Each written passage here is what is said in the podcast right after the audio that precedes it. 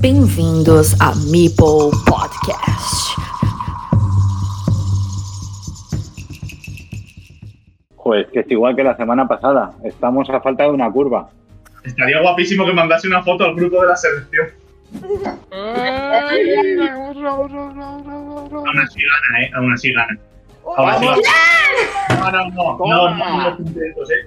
10, 6. Ah, sí, de 2. Creo que vamos a ganar de 2, ¿eh? No, no, no, de 1. Eh, Me vale de uno, no te pongas De triste. lo que sea, de lo que sea, pero que gane. Joder, madre mía, ¡Ay, madre! ¿Quién empezó? no lo sé. Bueno, lo sabes. Mm, El, el que acaba. que Globir. acaba. El Globir. El Globin, exacto, vale. Acordaros, acordaros de lo que hemos hablado. Si vamos a semis, a ese voy yo.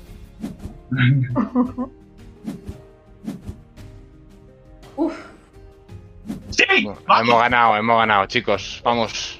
¡Vamos!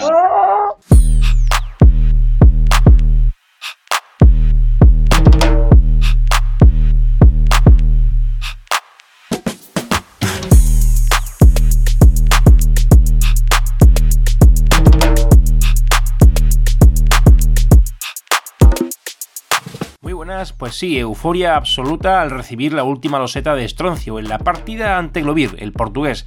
Racarot había perdido antes ante el capitán Margarido y Ciamat ante Rabaca. Juliano había ganado el talento de 10 añitos con su nick bicudo y Zocanero, que fue el primero en incorporarse a la retransmisión de Valle en Twitch, consiguió otro punto que nos mantuvo en el 2 a 2. Restaba esa partida, de nuevo, Estroncio. Ya fue todo un exitazo su encuentro ante Lleva 11 en ese cruce de preliminar ante Taiwán. Y lo ha sido de nuevo ante Portugal. Habéis oído el momentazo con Locuelo contando curvas de menos, Zoca quitando puntos a Estroncio y Oscar haciendo de las suyas con las frases de los demás. Valle en tensión, la misma que vivíamos todos en esos segundos finales. Quedaban cuatro losetas, un monasterio que le salió a Estroncio y que aprovechó para amortiguar la diferencia con Globir, a expensas de que le saliera la única curva que quedaba. Globir recibió el cruce de cuatro caminos y consiguió dos puntos extra, y la tensión absoluta en la última loseta para Estroncio, que conseguía puntuar el campo grande y llevarse la partida a pesar del mazacote del portugués que le daba 6 puntos finales, 100 a 3 a 100 y 2 a 3 en total para la selección, que sella su pase a semifinales y consigue alzarse con una plaza para Essen, convertirse en cabeza de serie para la próxima edición de 2024 y obtener un premio a todo el esfuerzo realizado con la comunidad Carcassonne Spain, la liga que lleva su nombre, la organización de eventos presenciales, los entrenamientos del propio combinado nacional, la retransmisión de partidos en Twitch y todos los miembros involucrados en conseguir mejorar y compartiendo siempre sus análisis de partidas, comentarios y demás que favorecen que este grupo haya conseguido llegar más lejos que nunca en esta cuarta edición del Mundial por equipos online, en el que ya Japón no revalidará el título, en el que RCP será nuestro próximo rival y en el que habrá al menos un finalista del grupo B de la primera fase, que podrían ser dos si España vence a los jugadores rusos. Tenemos un gran desafío por delante, pero antes de nada hay que decir enhorabuena selección, empezando por Rakarot, Ciamat, que perdieron, continuando por Alfamar, Oscaridis, Matkan y Mikrak, que no jugaron esta vez, así como la capitana Valle 13, también con su trabajo inconmensurable con las alineaciones y la participación de todo el grupo y sus retransmisiones y ánimos a través de Twitch y el canal de Telegram, y claro está para los tres ganadores de estas partidas decisivas, Juliano con su gran actuación ante Bicudo, Zocanero especialmente grande ante Priscus y Estroncio nuestro buque insignia con esas partidas y esos momentazos que nos marca y a los que nos tiene acostumbrados. Gracias a todos y enhorabuena. Pero esto no acaba aquí. La primera semifinal la jugarán China y Letonia, con quienes ya nos enfrentamos en la fase de grupos. Ese encuentro entre China y Letonia cabe recordar que lo perdieron los letones por 2 a 3, muy justitos. Veremos a ver qué sucede en esta ocasión. Los chinos se presentaron en las semis tras derrotar al tricampeón mundial Japón, que ya vimos que no hizo la mejor fase de grupos, pero se plantó en preliminares y derrotó a Argentina por 2 a 3. Los chinos le endosaron en cambio un 4 a 1 a los del Sol Naciente, donde su única victoria fue la de Snow Island. Perdieron dos jugadores del club Traps, Yanoki y Chris, también EQ y Kitara. No fue el enfrentamiento que esperaba Japón y China disfrutó su pase a semis. Tampoco los letones se quedaron cortos ante los romanos. Rumanía venía de vencer y convencer, ya que había conseguido algo insólito, 7 victorias de 7 encuentros. Formidable.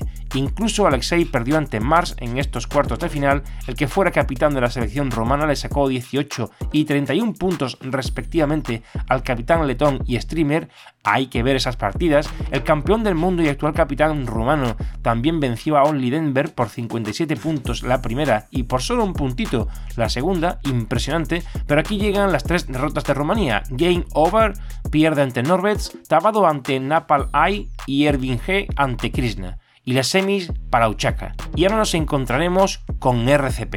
Los jugadores rusos. 71ST, ese nick tan raro, 619 puntos de elo. Bebe Costa, 569 puntos de elo. Cookie, 538 puntos de elo.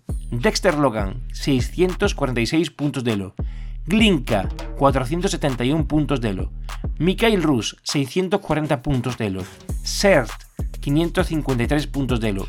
Samuan Juno, 756 puntos de elo. Tarakanov, 28, 570 puntos de elo. The Crip 74, 615 puntos de elo. Su media de elo es de 598.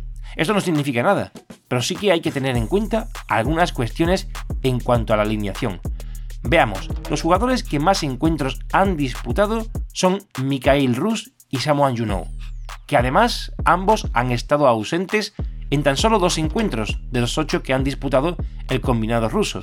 Samuan Juno faltó en la ronda 3 y en la ronda 5, y Mikhail Rus en la 5 y en la 7. Si os fijáis, la única ronda donde ambos coinciden en estar ausentes, la 5, fue la única que perdieron, y fue ante Taiwán. Un jugador que siempre gana cuando juega es The Creep, y tanto este como Mikhail y Samuan Juno suelen jugar en los tableros de arriba o de abajo. Y Cookie, que lleva dos encuentros consecutivos sin participar desde la ronda 6, siempre lo hace en el tablero 3. Si descartamos a Bebe Costa, Glinka, Dexter Logan y Tarakanov, que apenas han jugado, nos quedan 6 jugadores que suelen jugar y que son muy activos y decisivos. Mikhail, Samon Juno, The Creep, Cookie 71ST y posiblemente Serge. Esto no descarta la posibilidad de que participen Tarakanov o Dexter Logan, pero que Glinka o Bebe Costa lo hagan es más raro. Además, estos jugadores no son precisamente los más fuertes del combinado ruso. Cookie suele participar en el tablero 3, juegan de locales y él es premium. Samuel Juno, en cambio, no puede ser alineado en los tableros impares porque tiene cuenta estándar. Si nos fijamos en el histórico de enfrentamientos, suele alinearse con Mikhail o bien en los tableros bajos o en los altos. Es decir, cuando Samuel Juno juega en el tablero 2, Mikhail lo hace en el 1, y cuando Samuel Juno lo hace en el 4, Mikhail lo hace en el 5.